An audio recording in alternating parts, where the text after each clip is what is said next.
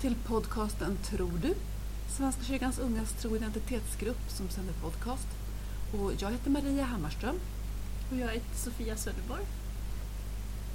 Och jag heter Amanda Karlshamre. Och det är Amanda som är vår gäst idag när vi ska prata om vad är det att vara ordförande i Svenska kyrkans unga egentligen? Mm. Ja. ja, det kan vara vår första fråga egentligen. Vad, vad gör en ordförande? Vad gör en ordförande i Svenska kyrkans unga?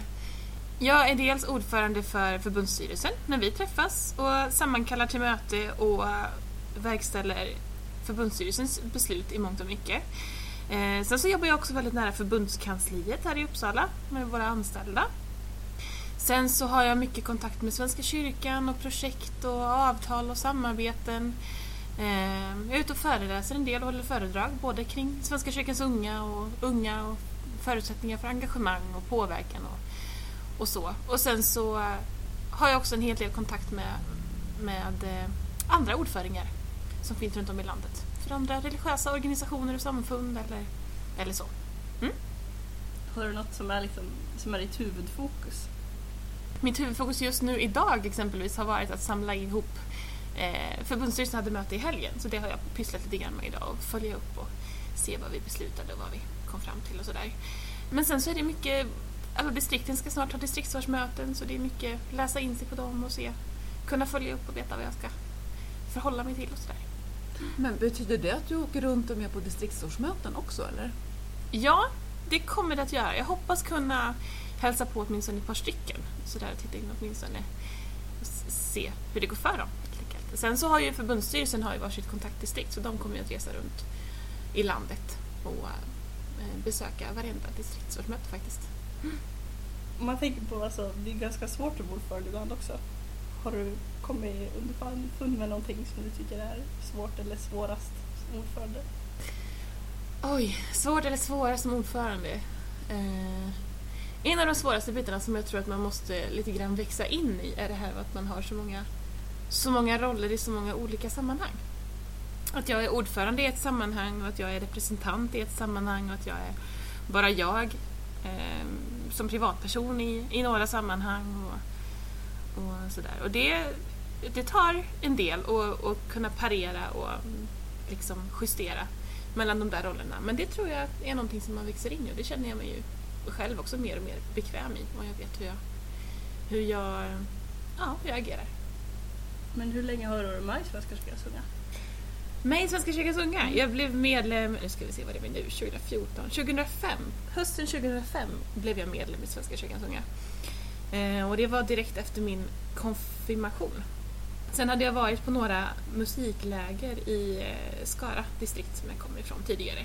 Några distriktsmusikläger och varit med som deltagare. Men då visste jag inte så mycket om själva organisationen. Jag visste att Svenska kyrkans unga arrangerade, men inte så mycket mer. Mm. Så det är nio år i år. Mm. Vad tycker du är det bästa med Svenska kyrkans unga? Att vi är en organisation av och för barn och unga. Alltså att, att vi är unga, vi som sitter i styrelser, vi som, som för vår talan, att vi får att vi verkligen har en plats där vi får växa i vår tro och i vårt ansvar. Jag ser, ser det eh, i stort sett dagligen. Både de här solskenshistorierna och um, att vara ute och träffa medlemmar, det, det, är det, det är det roligaste med det här uppdraget. Det är det absolut roligaste med uppdraget. Att vara ute och träffa medlemmar och, och höra berättelser och historier hur Svenska kyrkans unga som organisation kan, kan få vara en plats där man får lite grann lägga av sig sitt samhällsbagage och sina samhällskrav och bara vara tillsammans. En, en väldigt förutsättningslös, öppen plats att växa på. Mm. Är det någonting som du skulle vilja att Svenska kyrkans unga var bättre på? Det är en jättesvår fråga.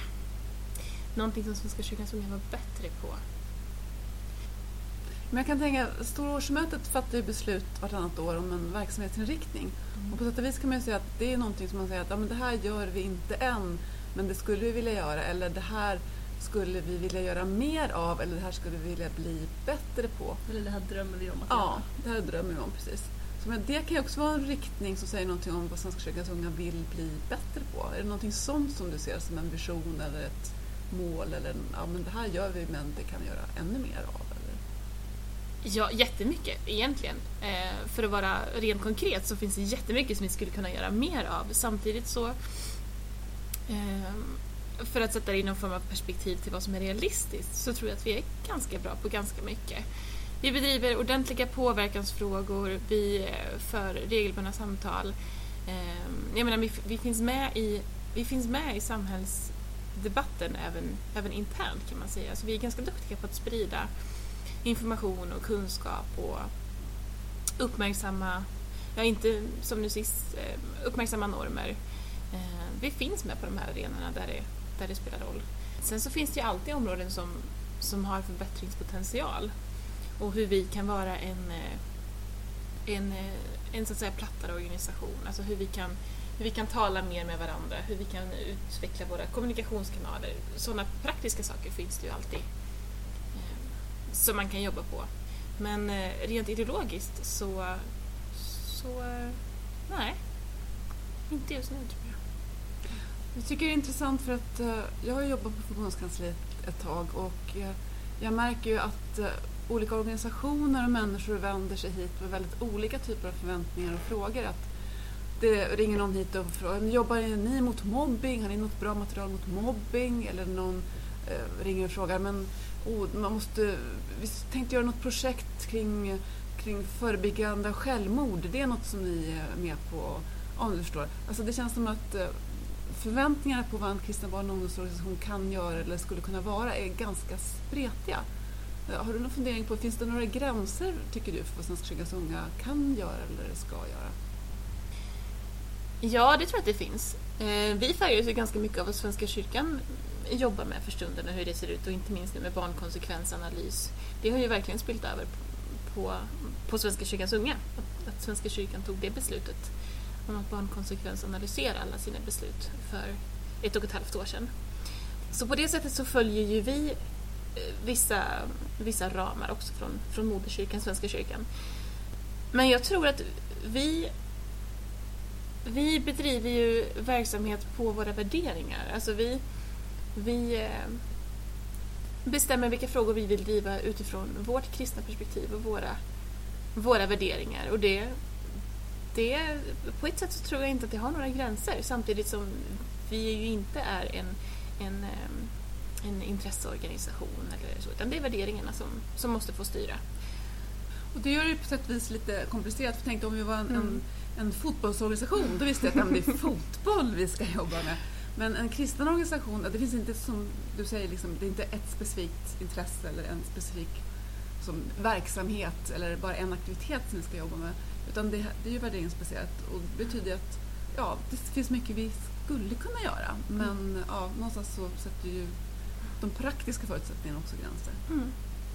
Men ska man, ska man försöka spetsa ner det till ett uppdrag så skulle jag ändå vilja hävda att det är att göra tro till handling. Alltså, vet vi att vi vill göra tro till handling så kan vi luta oss ganska mycket mot det när vi, när vi eh, lite grann bollar vilka frågor vi vill driva. Och, och just att ha det här perspektivet att vi inte är en intresseorganisation gör ju också att vårt huvudsyfte är att, att eh, få barn och unga att, att, komma till tro och att vara i tro tillsammans. Eh, och att sprida evangeliet, att sprida Guds ord. Och har vi det i ryggen så kan vi, kan vi luta oss mot det många gånger när vi, när vi eh, ja, diskuterar och bestämmer frågor. Men jag tänker något som många utifrån och inifrån Svenska kyrkans unga har sett mycket nu på senaste, det är den här debattartikeln eller vad man ska kalla den som kom ut i kyrkans tidning mm. för inte ett så jättelångt tag sedan. Mm. Tänker man det som en del också av ett påverkansarbete? Absolut. Den eh, debattartikeln kom ut för tre veckor sedan ungefär. Som handlade om att vi har fört in annat i vår i våran medlemsblankett. När man är medlem i Svenska kyrkans unga, man, kvinna eller annat. Och det är absolut en del i det påverkansarbetet för det handlar på något sätt om att synliggöra normer och att det är en, en liten del i ett större inkluderingsarbete skulle man kunna säga. För att, för att vi inkluderar eh, de som vill definiera sig som annat betyder ju inte att vi exkluderar några andra utan det, det är en del i påverkansarbetet för en bredare och större inkludering. För att, för att just visa på att vi vill vara den öppna gemenskap som vi utger oss för att vara och säger att vi är. Svenska kyrkans unga är ju en rörelse av och för barn och unga i Svenska kyrkan. Vad tänker du är ett specifikt som uppdrag eller, eller bidrag som en barn och ungdomsrörelse har just inom Svenska kyrkan? Att visa på att vi vill vara med. Är egentligen min första, min första tanke. Jag har ju själv sett eh, församlingar och sammanhang där, där eh, vuxna tänker att det här vill nog barn göra. Man, man tror att man vet vad som är bäst för barn och det är inte, det är inte konstigt att det är så. Men eh, Svenska kyrkans unga har, är en, en stark röst av och för barn och unga, vilket är väldigt häftigt för det, det är liksom en organiserad metod i Svenska kyrkan att, att arbeta så nära barn och unga. Och sen komma tillbaka till det här trolig handling, alltså att, att eh, våga vara tydlig med det också. Jag vet att du eh, har varit ute och rest en del i världen, Amanda. Mm, skulle du vilja berätta lite grann om, om det? Vart du har varit och varför? Och... Vad du gjorde innan du blev ordförande. Precis. det fanns ett liv innan tiden jag var ordförande. Jo, jag har varit ute och volontärarbetat en del, det stämmer. Jag har eh, bland annat varit ett år i Tessé i Frankrike, i den kommuniteten. Eh, jag har varit i Filippinerna ett par veckor och arbetat där och sen så har jag rest i Europa några månader och eh, volontärarbetat i Bangladesh också. Eh, och då bodde jag faktiskt hos Tessé-bröder, fast de som bor i Bangladesh, det bor fem stycken där. Och hur kom det, liksom, hur kom det sig? Var det, var det du själv som kom på eller var det någon som tipsade dig om att du borde göra det här? Eller hur, hur gick det till? Hur kom du på att du skulle göra det? Faktum var att under, det här var en vår som jag var i Bangladesh och under hösten innan dess så hade jag rest runt i Europa i fyra månader och hälsat på vänner och, och bekanta. Och jag visste att jag har ett halvår kvar innan jag ska börja studera. Och så började jag fundera på vad skulle jag kunna göra det halvåret? Jo, jag skulle kunna resa. Och då ville jag volontärarbeta på något, på något sätt och någonstans. Och så visste jag att det fanns TC-bröder som bodde runt om i världen. Och i Bangladesh, i Mymensingh, så bor den andra svenska TC-brodern, broder Johannes. Och så då tog jag kontakt med honom och frågade, är det möjligt att komma och arbeta hos er? Ja då, sa han. Absolut. Vi ordnar visum så är du så välkommen. Så. Så så var det. Att jag, då hamnade jag där i fyra månader. Det var tänkt att jag skulle vara där i två och sen så ville jag inte åka därifrån. Så då förlängde jag mitt visum med två månader. Men vad fick du göra för någonting? Vilken sorts volontäruppgifter fanns det där? Eh, just där så arbetar bröderna och driver lite olika projekt, framförallt med, med barn och familjer. Så jag hade två stycken ansvarsområden. Det ena var barn som bor på tågstationen där i, i staden där, där jag var, i Mymensingh. Eh, och det är barn som i stort sett inte äger så mycket mer än det de har på sig. Och, eh, många av dem har förlorat sina föräldrar sedan tidigare. Dels de barnen underhöll vi och hade veckoprogram med. Och sen så jobbade jag också med eh, ett projekt som heter Chototara som betyder liten stjärna där vi eh, hade program för barn som eh, hade någon form av funktionsnedsättning, mental eller fysisk sådan. Många av dem hade inte heller sina familjer eller föräldrar kvar. Eh, så det var ett otroligt häftigt och viktigt eh, uppdrag att få, att, få, att få vara där på något sätt. Många av dem som jag Många av de unga ledarna som jag träffade där frågade mig ibland sådär, när ska du börja skriva om oss? När ska du börja fotografera oss och dokumentera vad du gör? Eh, och det var väldigt speciellt för mig att jag hade ingen uppgift att skriva om dem där, utan jag var där för att jag hade tid över eh, i mitt liv innan jag skulle börja mina studier och jag ville vara med dem. Helt enkelt. Ville vara där de var och se, upptäcka och leva med deras vardag. Mm. Leva i deras vardag. Har du något speciellt minne därifrån som du skulle vilja dela med dig av? Ja, många sådana här fantastiska nu är Gud nära-minnen. Ehm, det har jag verkligen.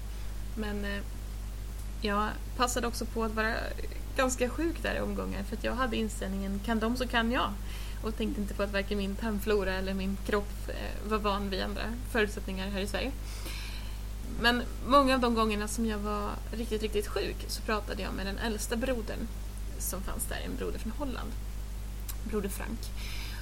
Och när jag efter ett par dagar i, i sängen hade legat och var sjuk så var jag frustrerad och trött och arg för att jag bara var sjuk. Jag var ju där för att vara med de här barnen och de här unga ledarna. Jag var ju där för att leva tillsammans med dem.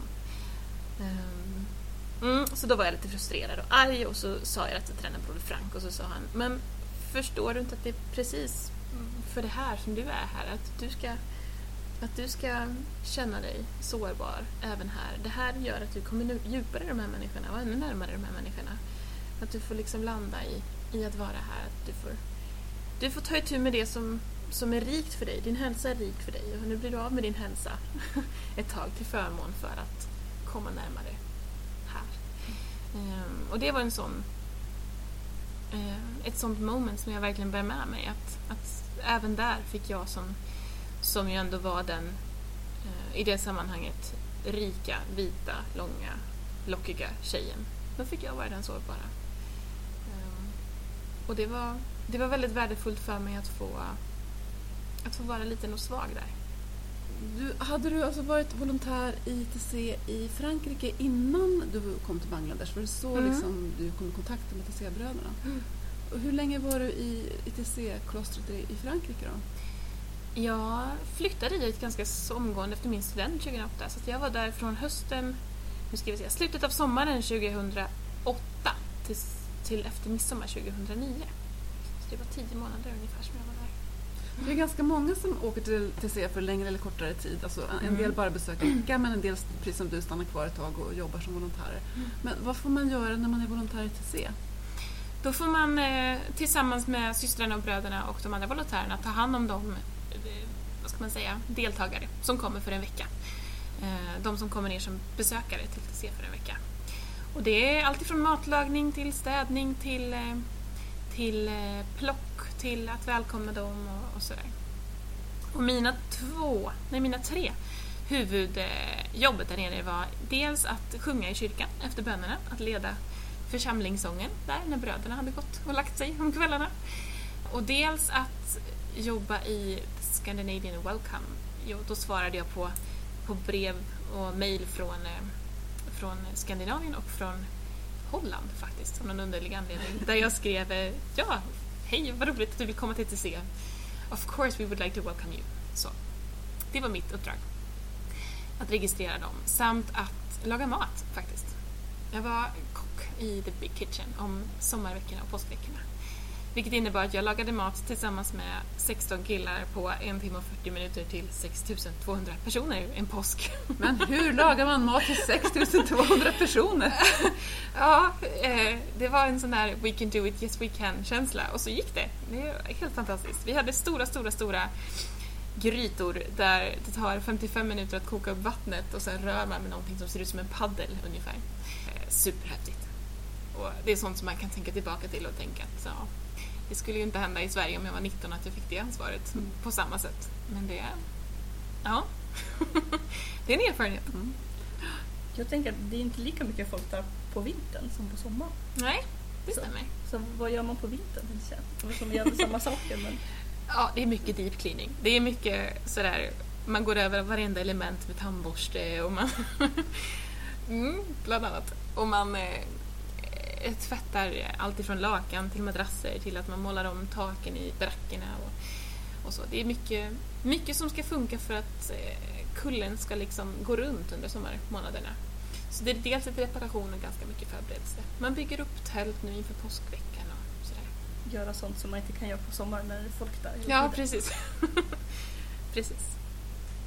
Vad tycker du att den här tiden i TC har betytt för dig så här i efterhand när du ser tillbaka? Eh, min tid i TC har, har format mig till vad jag är nu. Verkligen, det har det gjort. För i TC under det året så fick jag en möjlighet att dels leva i fasta rutiner, fasta bönerutiner och bönetider. Ehm, vilket egentligen är det jag saknar mest när jag inte är i TC. De fasta bönetiderna, att man vet att man ber frukost, middag, kväll varenda dag.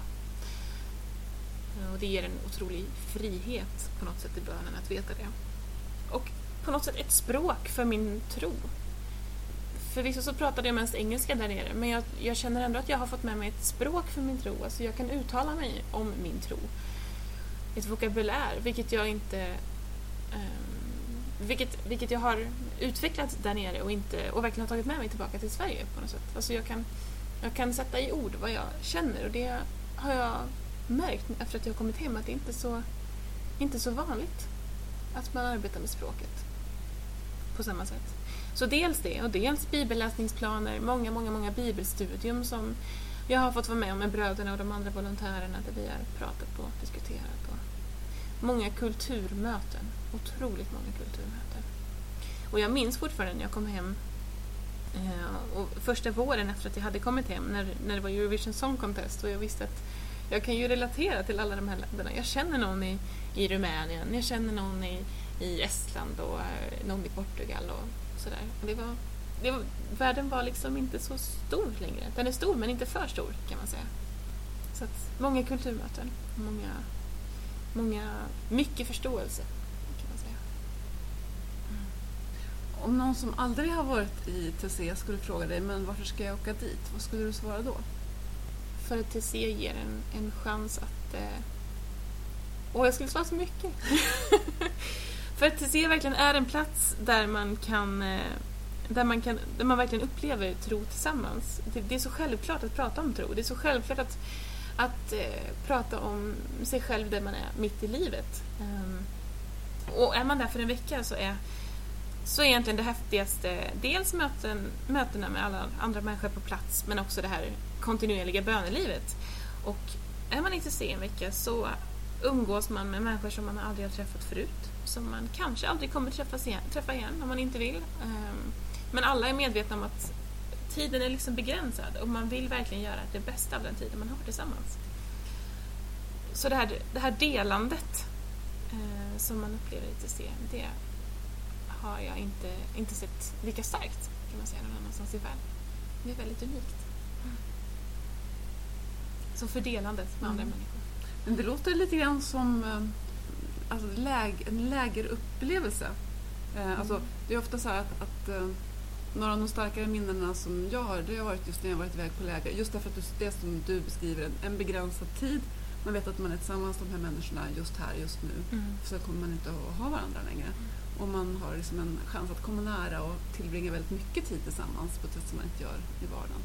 Så det, det kanske är en del av det här. Mm. Att, att um, man behöver liksom ett, en särskild plats, en särskild tid för att komma en bit längre i, i närhet till andra och till Gud också för den delen. Ja, det tror jag. Och eh, kommer man till TC, jag menar jag, jag kände själv första gången jag var där att det här är helig mark på något sätt. Jag visste lite grann om historien kring, kring eh, kommuniteten och, och bröderna som bodde där och, och så. Men eh, det var en så häftig känsla att veta hur mycket historia som finns i marken och hur många böner som har betts i kyrkan och, och så. så det... Är ju ett ekumeniskt kloster och det betyder att de, ja, de välkomnar alla dit. Både katoliker, protestanter, baptister, ja, vem man än är. Eh, vad tänker du kring ekumenik? Är ekumenik någonting som intresserar dig? Definitivt. Definitivt. Och det är mycket främst tack vare TC skulle jag säga. Jag hade inte så mycket kunskap eh, eller vetskap om ekumenik innan jag åkte ner till TC. Så att, att leva i det här har liksom på något sätt gett mig min syn på ekumenik. Och även vi, vi tjejer som bodde ihop där nere, jag, det, jag bodde ihop med dem ett halvår utan att veta om, om de var protestanter eller katoliker. Vi var, vi var kristna och vi var där tillsammans. Och det var det, var det på något sätt. Och det har ju gett mig min, min grundsyn eh, på ekumenik. Att ja, det är verkligen inte... Alltså, jag, eftersom jag har levt någonting som inte var så... Det var inte, det var inte svåröverkomligt utan det var, det var så självklart på något sätt så tycker jag att det är otroligt, otroligt viktigt. Jag tänker ekumenik, annars när man hör talas om det, då handlar det antingen om ja, på en ganska hög nivå, att det är kyrkoledare som mm. möts och, och pratar eller sluter avtal och sådär. Eller också kan det ju vara så väldigt lokalt att två kyrkor bestämmer sig för att man gör någonting, mm. ett projekt eller någonting praktiskt ihop eller firar gudstjänst ihop. Mm.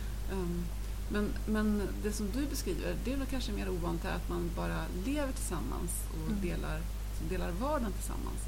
Um, jag tänker att oftast är det ju så att våra bilder av varandra kan lite grann komma i vägen. Alltså att jag tror att jag vet hur en katolik är eller en baptist är, fast egentligen gör jag inte det för jag har inga vänner som är katoliker eller baptister. Mm. Och det är inte förrän jag får det som jag kanske upptäcker det här gemensamma som du pratar om, som är det som för oss samman. Mm. Och jag tänker att båda de här bitarna är viktiga. Både kyrkoledarna som sluter avtal och det som händer i församlingen på något sätt. För det ena stödjer verkligen det andra. Ehm, och jag tycker att det, att det är viktigt att vi alltid och i, i stort sett alla sammanhang pratar om ekumenik och hur vi kan, hur vi kan just leva tillsammans. För vi, vi har ju samma ledstjärna. Du har ju varit inne på det lite grann nu, men, men kan du beskriva din egen väg till tro? Alltså, hur kommer det sig att du är kristen idag? Jag har två föräldrar som är... eh, Jag har en far som är kyrkomusiker och numera domkyrkoorganist och en mor som är utbildad diakon och som idag arbetar som socionom.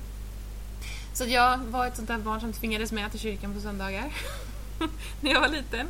Tills jag blev så gammal nog att mina föräldrar tyckte att det var okej att lämna mig hemma om söndagarna. Så att på något sätt så har kyrkans, kyrkans rum har alltid varit väldigt naturligt för mig för att jag växte upp där. Sen så var det väl när jag var 11-12 någonstans och vi flyttade från Säffle där jag bodde då till Skara som jag, som jag valde att inte följa med på söndagarna och därmed stannade hemma. Sen så kom konfirmationen och jag insåg att men det här är ju ett sammanhang där jag vill fortsätta vara i och där jag verkligen, verkligen trivs. Och ehm, jag har alltid haft min lilla tro men det var i konfirmationen som jag började sätta ord på den. Och sen under tiden som jag var konfirmandledare så, så bearbetade jag den hejvilt fram och tillbaka under hela... Ja, ja, jag har väl egentligen inte slutat. Eh, men min, min, att jag tror är självklart. Och de gånger som jag har, har på något sätt frågat mig själv hur ser min tro ut och vad, vad är det som gör att jag tror och så, så landar jag alltid i att sättet som jag vill leva mitt liv, det är ett kristet liv. Då faller jag liksom tillbaka på det att ja, det, det är som det ska vara. Och min tro är för mig personlig men någonting som jag gärna delar med mig av ändå. Du var i Sveriges Lucia också. Tror jag att eh, inte så många av oss missade när det hände för att det så här spred sig som en löpare i Svenska kyrkan. Men eh, hur gick det till? Ja, hur gick det till? Jo, det var faktiskt så att när jag flyttade till Stockholm så var jag på Skansen den 13 december det året och tittade på Sveriges Lucia för att jag visste att där fanns ett Lucia-tåg och jag har alltid älskat traditionen Lucia. Så då gick jag till Skansen och så fick jag reda på då att detta var ju Sveriges Lucia och så tänkte jag för mig själv att ja, om jag är kvar i Stockholm nästa år, om jag är kvar i landet och inte ute och volontärarbetar eller gör någonting annat så ska jag söka till Sveriges Lucia. Och som av en händelse så föll jag faktiskt över en liten, en liten sån här eh, Vill du söka till Sveriges Lucia? Eh, sista, eh, sista ansökningsdagen 2012, den hösten. Så jag skrev ihop en liten ansökan på en gång och tänkte att det här får bära eller brista och sen så blev jag uppringd efter en vecka och så sa de att vi vill gärna att du kommer på audition. Och så har jag inte sjungit på någon audition förut och det var ju jätteläskigt bara det. Alltså var det en sångaudition? Mm. Alltså, oj. Mm, har intervju och sångaudition. Mm, inför en liten jury. Det var superläskigt. Men det gick ju uppenbarligen bra. För sen så vart jag utvald till en av de sju lyckliga kandidaterna som eh, skulle tävla då om att bli Sveriges Lucia. 2012 då, som jag blev Sveriges Lucia, så arrangerades det tillsammans med Världens Barn. Och Världens Barn är ju ett stort nätverk av organisationer. Och då fick varje Lucia-kandidat välja en av de här organisationerna som vi skulle kämpa för lite extra och samla in pengar till under de här månaderna som vi var kandidater. Och då så var tursamt, eller så är tursamt nog Svenska kyrkans internationella arbete en av de här organisationerna som finns med i nätverket. Och jag minns att jag stod och valde mellan Plan och Svenska kyrkans internationella arbete för det var de som jag kände att jag ändå hade en ganska, eller en väldigt nära relation till. Och så slutade det med att jag valde Sveriges, Svenska kyrkans eh, internationella arbete och samlade in pengar och samlade in mest pengar och blev vald till Sveriges Lucia. Men är det här sången, är det enda kravet för, på den här som finns eller finns det fler krav? Ja, dels, dels sången och att kunna, kunna stämsång och kunna, eh, kunna läsa noter. Men sen den här intervjun handlade ju mycket om vem är du, vad vill du med, med ditt liv och vad har du för visioner och vad drömmer du om och hur ser ditt engagemang ut och så. Och då tyckte de att jag föll in i ramen ganska, ganska bra. Också mycket för att jag har ju sedan jag var 14-15 talat mycket om eh, dels globala frågor och internationella frågor och eh, fattigdom i Sverige och utanför Sverige, det är mina hjärtefrågor. Så att jag, jag passade väl in där ganska bra. kan jag tänka mig. Vad fick man göra då när man är Sveriges Lucia? Sjunga och sprida ljus och träffa härliga människor eh, dagarna i ända. Det var ett otroligt häftigt vad ska man säga, vinterjobb och väldigt tacksamt att, att få åka runt. Vi blev ju ett litet gäng, vi sju tjejer och vår projektledare. Och få åka runt och bara sprida ljus. Helt, helt fantastiskt. Och vi märkte ju verkligen att dit vi kom så gjorde vi skillnad. Och så många otroligt härliga konversationer och eh, minnen jag har med mig från den tiden. Det var väldigt tacksamt. Väldigt, väldigt tacksamt. Mm. Kan du se några likheter mellan att vara Sveriges Lucia och vara ordförande i Svenska kyrkans unga? Oj. Eh. ja, min första spontana tanke var att komma med hopp där det är mörkt, så det är ju inte alls vad jag gör. Men eh, inspirera kanske, motivera, alltså vara en, ja, vara en, en, eh, en inspirerande ledare kanske. Skulle väl vara det lilla. Men du sjunger inte så mycket i ordföranderollen, antar jag? Alldeles för lite tror jag. Alldeles för lite. Nej, inte så ofta som jag skulle vilja. Mm. Har du något eh, favoritbibelord som du skulle vilja dela med dig av? Du kanske har många, men är det något som du kommer på? Ja, det är många. Men ett av dem är ett bibelord som jag själv fick med mig i min konfirmation och som jag sen har eh, spritt vilt runt, vilt runt mig är, kommer från Jeremia. Eh, vers, nej, ska vi se, kapitel 29, vers 11-14a. Och där står det, jag vet vilka avsikter jag har med er, säger Herren, välgång, inte olycka. När ni åkallar mig ska jag låta er finna mig, när ni söker efter mig ska jag låta er finna mig. Ja, när ni helhjärtat söker efter mig så ska, så ska jag visa mig. Uh, och det bibelordet har jag arbetat med i, ja, sedan min konfirmation faktiskt. I nio år. Mm. Vad innebär det att söka Gud helhjärtat? Vad innebär välgång och, och, och, inte olycka? Och var ligger mitt ansvar i det här? Så, mm. så Jeremia 29, 11 till 14a. Mm. Och då måste vi fråga, eftersom du sjunger, har du någon favoritsalm? Precis vad jag tänkte. Åh, oh, det finns så många! Ja, det har jag. Ja, det har jag. Jag brukar komma på mig själv ibland med att gå och humma på någonting och oftast är det antingen ung psalmsånger eller psalmer. Ehm, och det är kanske en, en förnämlig arbetsskada, jag vet inte. Ehm, så här, i, så här i fastetider så skulle jag nog säga att det är Jesus det största, skönaste och renaste namn som på människors läppar är lagt. Det är en fastepsalm som jag tycker är fantastiskt fin. Och en psalm som har stöttat mig och hjälpt mig i mångt och mycket är Öppna mig för din kärlek. Öppna mig för din kärlek, världen behöver mig. Världen behöver din kärlek strömmande genom mig. Den har lite grann fått identifiera vem jag är. Mm. Och eftersom vi är inne i fastan kan det också vara passande fråga, alltså Jesus drar sig ju ut i, han drar sig ut i öknen först för att förbereda sig på sitt uppdrag och sen så ser man i Bibeln att han ofta drar sig undan i ödemarken när han eh, vill liksom hämta kraft och vara i fred. Vart tar du vägen om du behöver hämta ny kraft? Ja, ödemarken också. Jag samlar, jag samlar väldigt mycket av min, eh, jag får, får väldigt mycket av min energi i skogen faktiskt. Eh, och på sjön i någon kanot eller eh, ibland till och med på tåg på resa. Men eh, ödemarken är, är nog mitt svar också på något sätt. Jag har en, ja, väldigt mycket skog, en hel del öppna vidder, eh, att få andas fritt. Där samlar jag.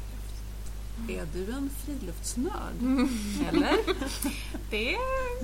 Ja. Skara, Skara rykten om sig att man är mycket friluftsliv. Ja, i så fall så är jag absolut en friluftsnörd. Mm. Ja. ja. Och är det någonting annat som du tror att människor inte känner till om dig som eh, man skulle bli överraskad om man visste? Ja, det hoppas jag. Eh, en hel del, bland annat att jag alltid har mynt i mina skor eller att jag pratar baklänges. Eller att jag... Ja, det finns en del sådana som man skulle kunna Pratar baklänges? in på. Ja. det gör det. Så mm, då, då vet, ifall någon börjar prata så här väldigt komplicerat och, och högtidligt och vuxet då kan Mm. du som slå tillbaks in och börja prata baklänges det blir ännu mer obegripligt. Ja, ja skulle jag kunna. Pausunderhållning för det mesta. Men tack så jättemycket för att du ville vara med oss, Amanda. Det var Ja. jättekul att träffa dig. Tack för att jag fick komma. Om två veckor så är det dags för nästa podcastavsnitt av Tror du? Och då kommer de prata om religion i populärkultur. Välkomna tillbaka då!